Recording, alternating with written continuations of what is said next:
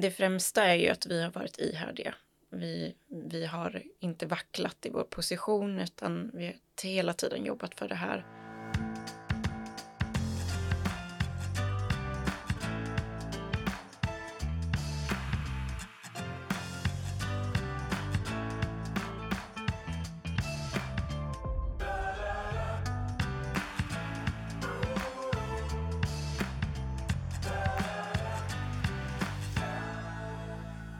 Lyssnar på Djurens rättspodcast på Djurens sida. Du har väl inte missat att prenumerera på vår podcast?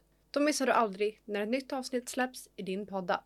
Djurens Rätt arbetar globalt för att göra skillnad för de djur som är flest och har det sämst. Det har vi gjort sedan 1882. Med våra målinriktade kampanjer, företagssamarbeten och politiskt påverkansarbete är vi en av världens ledande djurrätts och djurskyddsorganisationer med omkring 50 000 medlemmar i Sverige. Vi är helt finansierade av Djurens Rätts medlemmar, så stort tack till dig som är medlem och gör vårt arbete för djuren möjligt. Varmt välkomna tillbaks till På djurens sida. Jag heter Linn Åkesson och i dagens avsnitt ska vi prata om något som vi har väntat på och kämpat för väldigt, väldigt länge. Förra onsdagen så gick nämligen den svenska regeringen ut med ett besked som kommer att leda till slutet på pälsindustrin i Sverige. Djurens Rätt har kämpat för att avveckla pälsdjursindustrin i över fem decennier, så detta är en otrolig framgång. Men givetvis så slutar inte vårt arbete här, utan det finns fortfarande mycket kvar att göra. Om detta glädjande besked och eh, arbetet framåt ska jag prata med djurets rätt sakkunniga etolog Anna Harenius om, som har arbetat med frågan dagligen under flera års tid. Men innan vi drar igång är det dags för djurrättssvepet.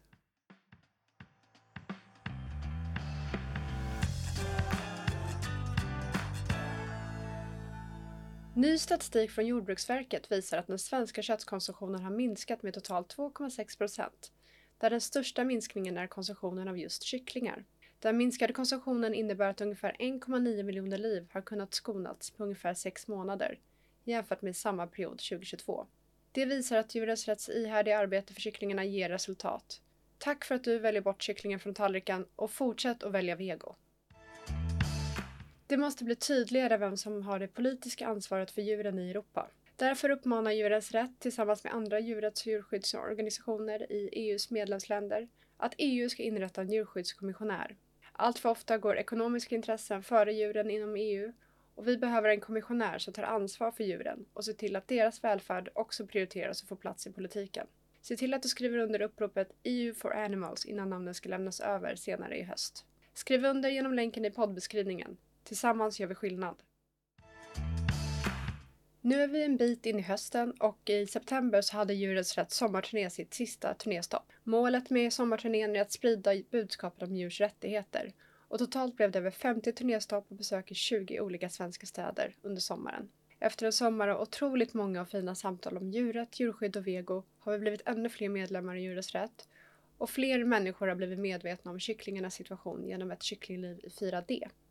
Stort tack till alla fantastiska volontärer som hängt med under sommaren och stort tack till Europeiska unionen som varit med och finansierat årets turné.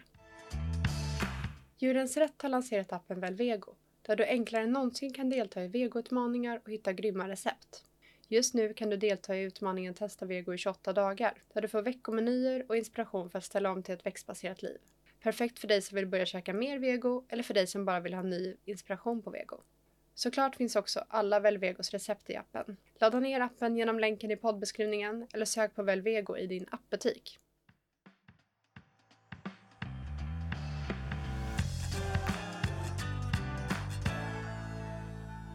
Det har varit en lång och svår kamp för att pälsdjursindustrin ska tillhöra historieböckerna. Och innan vi pratar med Anna så tänkte jag därför lyfta fram några av Djurens Rätts milstolpar under åren som lett fram till där vi står idag. Ända sedan pälsindustrin introducerades i Sverige under 1920-talet så har djurvänner arbetat för att fasa ut industrin. Djurens Rätt har aktivt arbetat för att avveckla pälsdjursindustrin sedan 1970-talet. År 1988 var Djurens Rätt med och påverkade när en ny djurskyddslag röstades igenom. Detta ledde till att Sveriges veterinärmedicinska sällskap slog fast att pälsdjursindustrin inte levde upp till de nya krav på att djur ska kunna leva ut sina naturliga behov. De 120 rävfarmar som fanns i Sverige blev starkt kritiserade och 1995 kom bestämmelser som ingen rävfarm kunde leva upp till, vilket ledde till en avveckling av rävfarmning. Även fast rävfarmar hade försvunnit fanns det fortfarande pälsfarmer som höll minkar och chinchillor och Djurens Rätt fortsatte sätta press på industrin, politiker och Jordbruksverket för att även avveckla dessa farmer. Till år 2010 ställde Jordbruksverket krav på att minkfarmerna skulle avvecklas till 2010 om de inte förbättrade djurens levnadsförhållanden. Men Länsstyrelsen kunde i en rapport konstatera att 85 procent av minkfarmerna fortfarande inte följde lagstiftningen kring inredning av burar och att en tredjedel av farmerna hade inte tillstånd för sin verksamhet. Men fortfarande hade inget hänt för Sveriges pälsdjur. Detta gjorde att Djurens Rätt genomförde intensivt kampanjande för att öka opinionen och kännedomen kring problemen i pälsindustrin. På bara ett år mellan år 2013 och 2014 lyckades vi öka opinionen mot minkfarmar från 69 till 78 procent. 2012 kom en specifik lagstiftning för chinchillor som ställde krav på större burar. Omställningen ledde till att det inte längre blev lönsamt att hålla chinchillor och den sista chinchillafarmen stängdes i juni 2014. En ny djurskyddslag röstades igenom 2018 där kraven på naturligt beteende och förebyggande arbete mot beteendestörningar blev tydliggjort. Jordbruksverket fick därmed i uppdrag att utreda sina egna föreskrifter om minkar. De föreslog däremot enbart att mer forskning behövs för att ta reda på hur minkarna har det. Djurens Rätt bedrev ett omfattande påverkansarbete genom att skicka in underlag till Jordbruksverket för att främja beslut om ett mer omfattande förslag. I samband med det lämnade Djurens Rätt över 100 000 namnunderskrifter emot minkfarmer till landsbygdsministern. Utredningen och namninsamlingen verkade ha begravts utan åtgärder av den dåvarande och nuvarande regeringen, fram tills nu. När coronapandemin kom 2020 skickade Djurens Rätt skrivelser till både regeringen och Jordbruksverket angående att pälsindustrin leder till fortsatt smittspridning av virus och åtgärder måste göras. Industrin fick avelsförbud under 2021 men återupptogs 2022. Med de konkreta riskerna som hade synliggjorts i och med coronapandemin gjorde att fler politiska partier gick över till Djurens Rätts sida och ville avveckla pälsindustrin. Under våren 2022 var Djurens Rätt med och såg till och startade medborgarinitiativet Fur Free Europe som ställde krav att stoppa all pälsindustri i EU och förbjuda handel med päls inom EU. Medborgarinitiativet gick i hamn under våren 2023 och hade lyckats samla in 1,5 miljoner underskrifter från EU-medborgare för ett pälsfritt Europa. I september 2023 har Sveriges regering tillsammans med Sverigedemokraterna lagt fram ett förslag för att avveckla den svenska pälsindustrin och senare i höst kommer EUs nya djurskyddslagstiftning som förhoppningsvis innehåller ett förbud mot pälsdjursfarmning i Europa.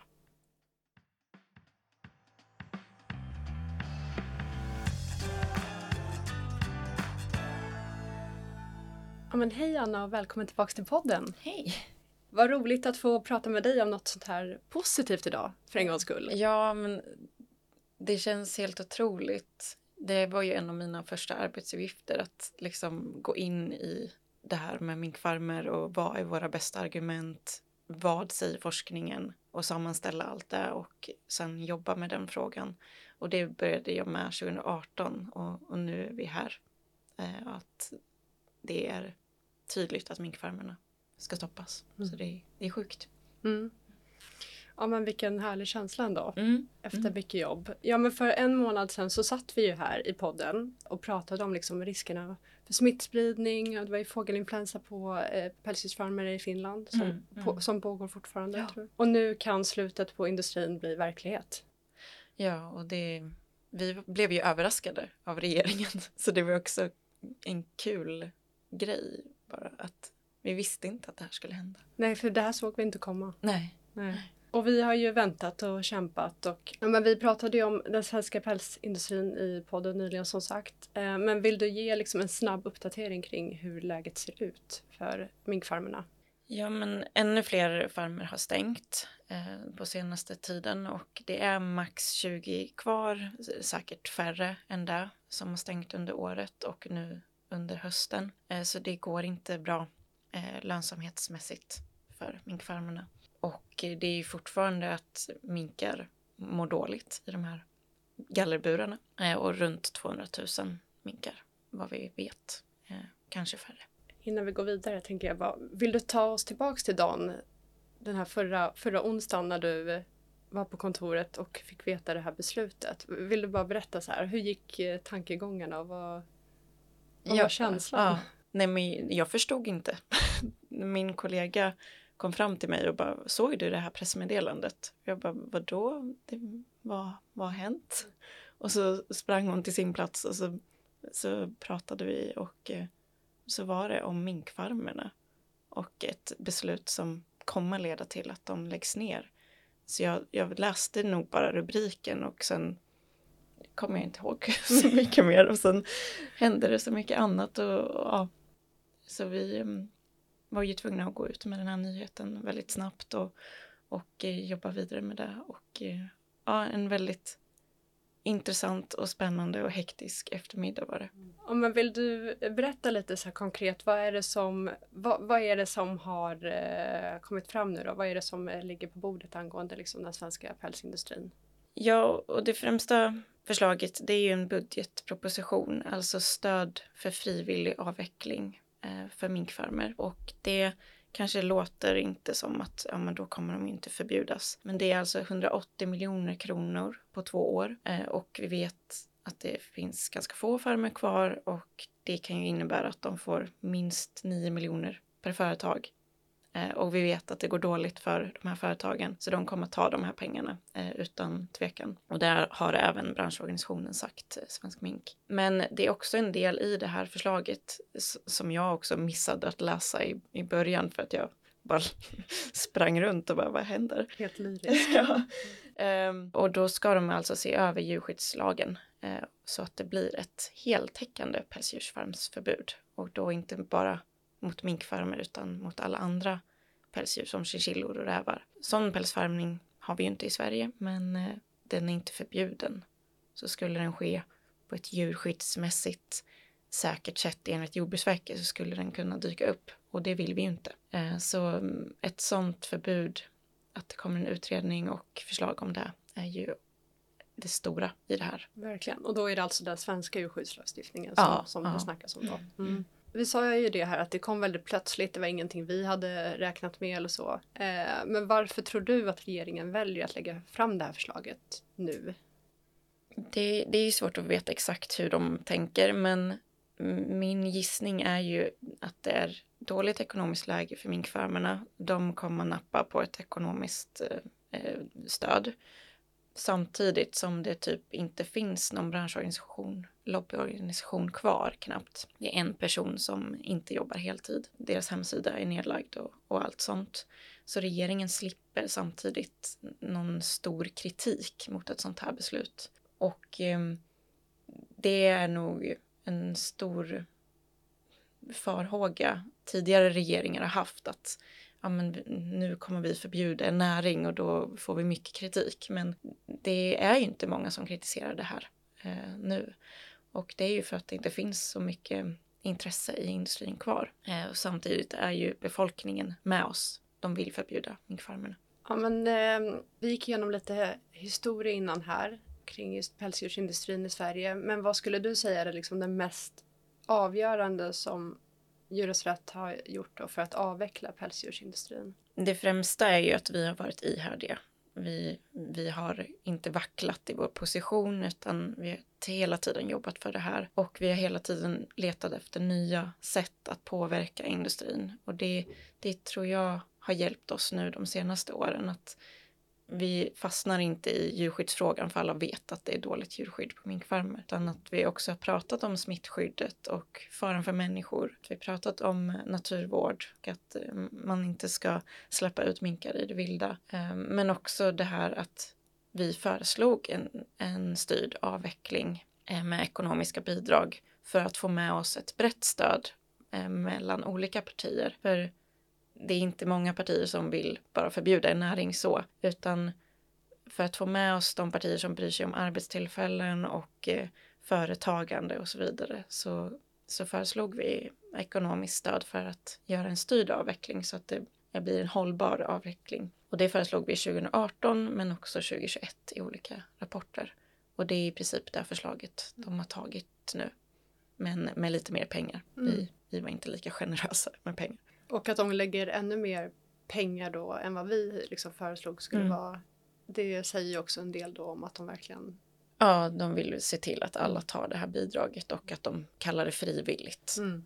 Det är väl det som är skillnaden. Mm. mm. Ser du någon risk med att det är någon minkfarmare som bara, nej men jag vill fortsätta liksom med den här om vi säger nu att det kanske inte kommer eh, ett lag eh, som ett förbud så, inte nappar på det här, finns det liksom en risk att det kan ske? Ja, alltså det, det finns ju en risk, men jag tänker att det är någon enskilda enskild farmare i så fall. Och det förstärker ju vikten av att få vårt fortsatta arbete, att vi inte tänker att vi är klara här. Ehm, vi måste ha ett eh, starkt lagstiftningsförslag också och inte bara vara nöjda med ekonomisk ersättning. Nej men verkligen. Eh, men vi är väldigt glada här då att regeringen har lagt fram det här förslaget som ligger i linje med det vi har förslaget då, Mm. med den här styrda avvecklingen. Mm. Och vi har ju pratat återkommande om också att vi har ju, det har ju varit så att Sverige sackar efter. Det är många länder som har gått före och eh, har avvecklat eller Mm. jobbar för att eh, avveckla pälsindustrin i olika länder i EU. Finns det några liksom skillnader eller likheter med hur andra länder i EU har avvecklat pälsindustrin? Med liksom hur den svenska regeringen agerar nu. Ja, det är främst skillnader för det, det är inte någon vad jag vet som har föreslagit en frivillig stöd för avveckling innan något förbud har kommit på plats. Eh, så de allra flesta länder inför ett förbud och sen är det en avvecklingsperiod på 5 till 12 år beroende på vilket land och hur eh, situationen ser ut i det här landet. Eh, så det, det är intressant att Sverige går den vägen. Men om man tittar på chinchilla och rävfarmer som har fasats ut i Sverige av djurskyddslagstiftning, då har ju Tyskland till exempel gjort liknande med minkfarmer. Att man inför krav på stora burar och så eh, går alla företag i konkurs. Typ. För att det är för dyrt och ohållbart Ja, att ja. implementera det. Mm. Ja, men ett av Djurens Rätts huvudmål är och har varit är ju eh, att avveckla pälsindustrin. Skulle du säga att vi har liksom lyckats med det nu? Nej, och det, det är så, som vi sa precis innan att vi är inte klara än. Vi har jobb kvar, men de stora insatserna från Djurens Rätt i tid, pengar, arbete, de, de är nog över, skulle vi säga. Eh, sen behöver vi fortsätta trycka på för en sån här mm, lagstiftningsskrivning som förbjuder all pälsdjursuppfödning, men också hjälpa andra länder. Vi har ju kollegor i andra länder som också vill förbjuda pälsdjursuppfödning och de tittar ju nu på Sverige. Eh, Så det är jätteviktigt att vi berättar alla processer bakom och hur den här regeringen föreslog det här, den här utfasningen och att det kanske kan inspirera andra. Eh, och vi är fortsatt medlemmar i Fair Free Alliance som jobbar för ett globalt förbud. Eh, Så vi fortsätter hjälpa dem. Jag tänker vi fortsätter också jobba för att liksom pälsdjursindustrin ska fasas ut i hela Europa med Fur Free Europe. Precis, Fur Free Europe är inte i mål helt än heller så vi har arbete kvar. Ja men apropå Fur Free Europe då. För ungefär ett och ett halvt år sedan så satt vi i podden och diskuterade just Fur Free Europe och pälsindustrin. Ska vi ta och lyssna på ett klipp från det? Jag hoppas såklart att vi får ihop minst en miljon namn eh, och gärna så snabbt som möjligt. För det visar ju för kommissionen i EU att det här är en prioriterad fråga av medborgarna. Men sen eh, så hoppas ju jag att regeringen faktiskt gör någonting mot minkfarmerna nu. Eh, och att inte bara låter dem svälta ut och gå i konkurs själva. För det finns ju djurskyddsrisker med det också. Vi vet ju inte vad som händer med minkarna när företag går i konkurs. Ja, det här var alltså för ett och ett halvt år sedan. Hur känns det att höra nu? Ja men helt fantastiskt och eh, det är nästan som att regeringen lyssnade på det här avsnittet. Jag vet inte. Men eh, de har ju lyssnat på oss om att väljarna vill det här och eh, också så ser man i pressmeddelandet från regeringen att de har tittat på eh, Free Europe och eh, eh, möjligheten att det blir förbud i hela EU. För det nämner de. Så det, vårt arbete i EU har gett effekt här i Sverige. Jag tänker att de, det här att de nämner EU, är det då att de vill gå före innan det blir ett EU-förbud för att det ska bli den här styrda avvecklingen också, tror du? Ja, men att det inte finns något att vänta på. Mm. Eh, Utsikten är förbud Mm. i framtiden. Eh, Det är frågan bara när. Eh, Och då kan de vara lite proaktiva.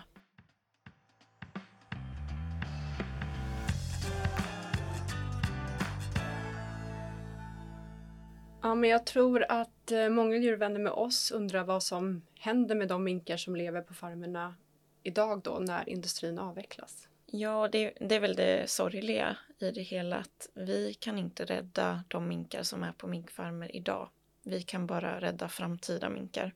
Eh, för de här minkarna är ju fortfarande i företag som vill tjäna pengar, så de kommer slaktas för sin päls och det gör de varje höst nu i november, eh, december. Skillnaden nu är troligtvis att många företag slaktar även avelsdjur som eh, blir några år istället för ett halvår gamla. Eh, och att det blir den sista hösten med minkslakt. Så det är ju det vi hoppas på och att inga nya minkar föds upp nästa år. Just det, så att även inte bara valparna då utan att avelsdjuren också mm, slaktas mm, mm. med höstens slakt nu. Som vi varit inne på så är det ju inte helt klart ännu. Vad blir liksom nästa sak på agendan som kommer hända framöver? Ja, den här budgetpropositionen presenteras i veckan eh, nu i september och sen ska den röstas om i riksdagen senare i höst. Så det gäller ju att regeringen har stöd för sitt budgetförslag, men eftersom de har stöd från Sverigedemokraterna i just den här frågan så ser vi inga risker att det här kommer att röstas bort utan det kommer att bli av. Men eh, sen är det ju det här löftet om att utreda förbud mot pälsdjursuppfödning och hur det ska passa in i djurskyddslagen eller liknande. Eh, så där behöver vi finnas och skynda på och eh, se till att det blir ett heltäckande förbud. Ja, för det som är det som var så oväntat nu är ju att det är den nuvarande regeringen som hittills inte har tagit så mycket ställning heller mot mm, mm. eh, pälsdjursindustrin. Det är väl Liberalerna som har uttryckt det tidigare. Liksom. Ja, precis. Det är bara Liberalerna och de här partierna som har ett eh, i sitt partiprogram att de ska förbjuda mm pälsdjursuppfödning med styrd avveckling. Det är ju förvånande att Sverigedemokraterna till exempel nu tar ställning för de har inte det stödet i sitt parti men, men gör det ändå. Och eh, de andra partierna har väl kompromissat om annat, tänker jag. Om man nu framåt då, det är, den här budgetpropositionen ska röstas om i, eh, senare i höst. Eh, men, och den här djurskyddslagen ska eventuellt då utredas. Mm.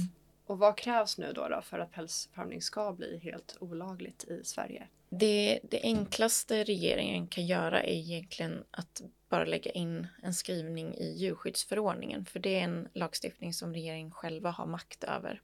Men risken med en sån skrivning är att en ny regering, en kommande regering, kan ta bort det lika lätt. Så det beror på hur den här regeringen tänker. Om de vill ha eh, långsiktigt hållbart eh, skrivning så kanske de behöver göra någon ändring i djurskyddslagen just. Och då behöver de stöd i hela riksdagen.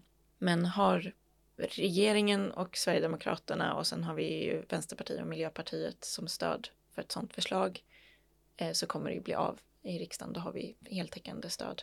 Tredje alternativ är att det blir en helt ny lagstiftning. Och, men jag tror att det är svårare att få igenom. Alltså en, en egen där det är just ja. att eh, det blir förbjudet. Lagen om förbud mot pälsdjursuppfödning skulle de kunna göra men, men det känns inte som att man gör så ofta i Sverige. Om vi säger då att det blir ett liksom, förbud mot eh, all pälsdjursindustri i Sverige. Innebär det också att päls kommer att försvinna från butikerna? Nej, det gör det ju tyvärr inte. Eh, och det beror på att all päls som produceras i Sverige exporteras och all päls som säljs i Sverige är importerad. Vi köper inte minkpäls i Sverige direkt utan det är mer pälskragar på jackor och päls eh, små bollar på mössor som kommer från mårda, eh, mårdhundar och eh, rävar eh, som säljs här. Och det kommer ju då oftare från Asien eller södra Europa eller eh, liknande. Så vi behöver ju fortsatt se upp var, vad vi handlar i butik och eh, välja pälsfritt. Det finns också butiker som har en pälsfri märkning, för Free Retailer, eh, genom Fair Free Alliance.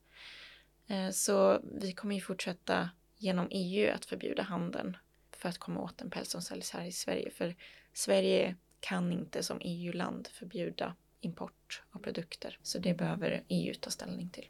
Och därför är det också ett av kraven i Fur Free Europe? Ja, Fur Free Europe eh, kan lösa det här. Ja, men nu är vi här. Regeringen har lagt fram det här otroliga eh, förslaget som vi knappt kunde tro var sant. Vad blir nästa steg för oss nu? Ja, men det är ju det här Fur Free Europe i EU. Där behöver vi se till att det, det blir ett lagstiftningsförslag eh, senare i höst eller vinter eh, från EU-kommissionen. Vi behöver också fortsätta inspirera andra länder genom det här som händer i Sverige. Till exempel Finland som har det svårt med fågelinfluensan att ja, men, visa upp att ja, men Sverige kunde avveckla på det här sättet till exempel. Och sätta press på regeringen att det blir eh, ett heltäckande förbud mot pälsdjurs eh, uppfödning. Ja, men du pratade lite här om eh, Finland och så hur ser situationen ut för pälsdjur i Europa? Ja, Sverige säljer egentligen sig till majoriteten i EU genom att föreslå en avveckling. Det är ett 20-tal länder i EU som är på väg eller redan har förbjudit pälsdjursuppfödning. Men eh, de stora pälsproducerande länderna som är kvar, det var ju Danmark förut innan pandemin. Men nu är det främst Finland, Polen, Grekland Eh, som är kvar. Eh, Finland har till exempel 400 farmer. Eh, det är väldigt många farmer men de är ganska små i jämförelse med farmerna i Sverige. Så där, där finns det fortfarande väldigt mycket pälsdjur och produktion. Men det går inte så bra för dem heller. De har ju smittor och sen är det dålig lönsamhet även för dem. För Sverige säljer sina pälsar i Finland. Så det, det liksom är kopplat hela Europa-industrin. Eh, så ingen farm är egentligen lönsam just nu rent ekonomiskt. Bara kort också, vad, vad är senaste där om eh, statusen i, i Finland? För att fågelinfluensan härjar fortfarande på pälsdjursfarmer där och Ja. det är väldigt många pälsdjur som har fått avlivas nu.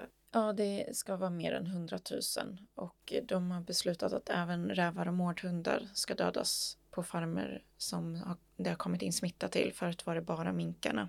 Många farmer i Finland har alla tre djurslag eller blandning på något sätt. Eh, Så det innebär att många fler djur kommer dödas. Och eh, sen ska ju alla farmer i hela landet testas. Det verkar gå väldigt långsamt men det, det ser ju ut som att allt fler kommer att dödas nu i förtid och inte då kunna säljas som päls. Så det är dåligt för, för farmerna. Det är ju sorgligt att det är så många djur som får mista livet Mm. såklart. Ja, 400 farmer, det är ju en del att testa liksom. Mm, mm. Men där har vi inte fått några indikationer på liksom att eh, den eh, finska regeringen ser över liksom ett förbud eller så nu. Nej, de måste ta ställning till ett förbud för de eh, kommer få ett medborgarinitiativ. Tydligen kan man göra så i Finland. Samlar man in 50 000 namn så kommer regeringen behöva ta ställning till det. Och det har de gjort i Finland. Eh, det är lite oklart vad det kommer leda till. Det skulle kunna vara att de inte håller med om medborgarinitiativet och då kanske det blir ännu svårare att få till förbud i framtiden. Det är svårt att veta vart det kommer vända men eh, troligtvis ökar ju opinionen emot pälsdjursuppfödning eh, åtminstone. Så pressen på regeringen att ta någon typ av beslut och eh, vara handlingskraftiga, det, det kommer ju öka. Ja, och i, i Sverige så har vi pratat om att här industrin eh, blöder ju. Därav det här, eh, den här budgetpropositionen då eh, Mm. med 180 miljoner. Men hur ser det ut för industrin liksom rent ekonomiskt om man tittar på Europa och i världen? Ja, det jag vet är att det går dåligt eh, över hela världen. Det är högre produktionskostnad på grund av inflation eh, och eh, fisket går dåligt. I alla fall runt här eh, Europa och Östersjön och kostnaden för att föda upp kycklingar ökar, vilket innebär att foder som innehåller kyckling, kycklingar och fisk ökar eh, i kostnad. Sen har försäljningen minskat efter pandemin. Det är ju fler som ifrågasätter minkfarmer men också att färre vill köpa päls från något som kan ha varit smittat. Allt fler modeföretag säger också nej till päls. Och det är ju tack vare organisationer som Djurens Rätt inom Fur Free Alliance som arbetar med eh, företagspolicies. Det ser ljust ut för att minska mängden lidande eh, på planeten när det gäller pälsdjursuppfödning. Ja, men innan vi rundar av, är det någonting du vill liksom tillägga kring det vi har pratat om nu eller det, det besked som vi fick eh, i förra veckan? Ehm, Svår fråga. Jag har ju knappt landat i det själv men det känns eh, väldigt häftigt att få vara del av den här slutspurten. Mm. Eh, och att vi, vi kämpar in i det sista tills den tills sista eh, buren är tömd helt enkelt. Mm. Och eh, arbetet är inte klart men snart. Snart. Ja, det är ju otaliga. Kan du uppskatta hur många timmar just du har suttit med den här frågan? Oj. Nej men jag jobbar ju mest med kycklingar, höns och minkar och jag lägger kanske halvtid på pälsdjursfrågan Varje vecka varje vecka. Ja. i över fem år. Ja. Ja, ja det, är, det är många timmar. Mycket slit. nej men som du är inne på, det är väldigt häftigt att eh, ett arbete som påbörjades eh, av Djurens Rätt för över 50 år sedan, att vi får vara med och liksom ta det i mål. Att det är just ju, vi. Ja, precis. det är, man blir mållös. Mm. Väldigt häftigt. Ja men Anna, stort tack för att du var med idag och jag hoppas att du själv känner att du kan ge dig en liten klapp på axeln för allt det här enträgna arbetet du har lagt ner. Och det var väldigt fint att få prata med dig om det här idag och att för en gångs skull få förmedla lite positiva nyheter i verkligen. den här frågan. Ja, men så eh, stort tack Anna. Men tack själv. Och eh, slutligen så vill vi också rikta ett, eh, ett stort, stort tack till alla er som har engagerat er för att få ett slut på pälsindustrin. Och nu fortsätter arbetet som sagt tills den sista minkfarmen är nedstängd.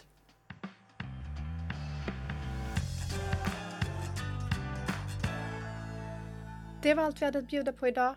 Gillar du vår podcast så se till att du prenumererar på podden. Då missar du aldrig när ett nytt avsnitt släpps i din poddapp.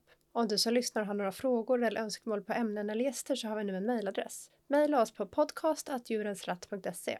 Till sist vill vi tacka dig som har lyssnat idag. Och det är tack vare våra månadsgivare som vi kan fortsätta att göra skillnad för de djur som är flest och har det sämst. Och vi behöver din hjälp mer än någonsin. Gå in på djurensratt.se och bli månadsgivare idag. Ha det fint tills vi hörs nästa gång och tack för att du står på djurens sida.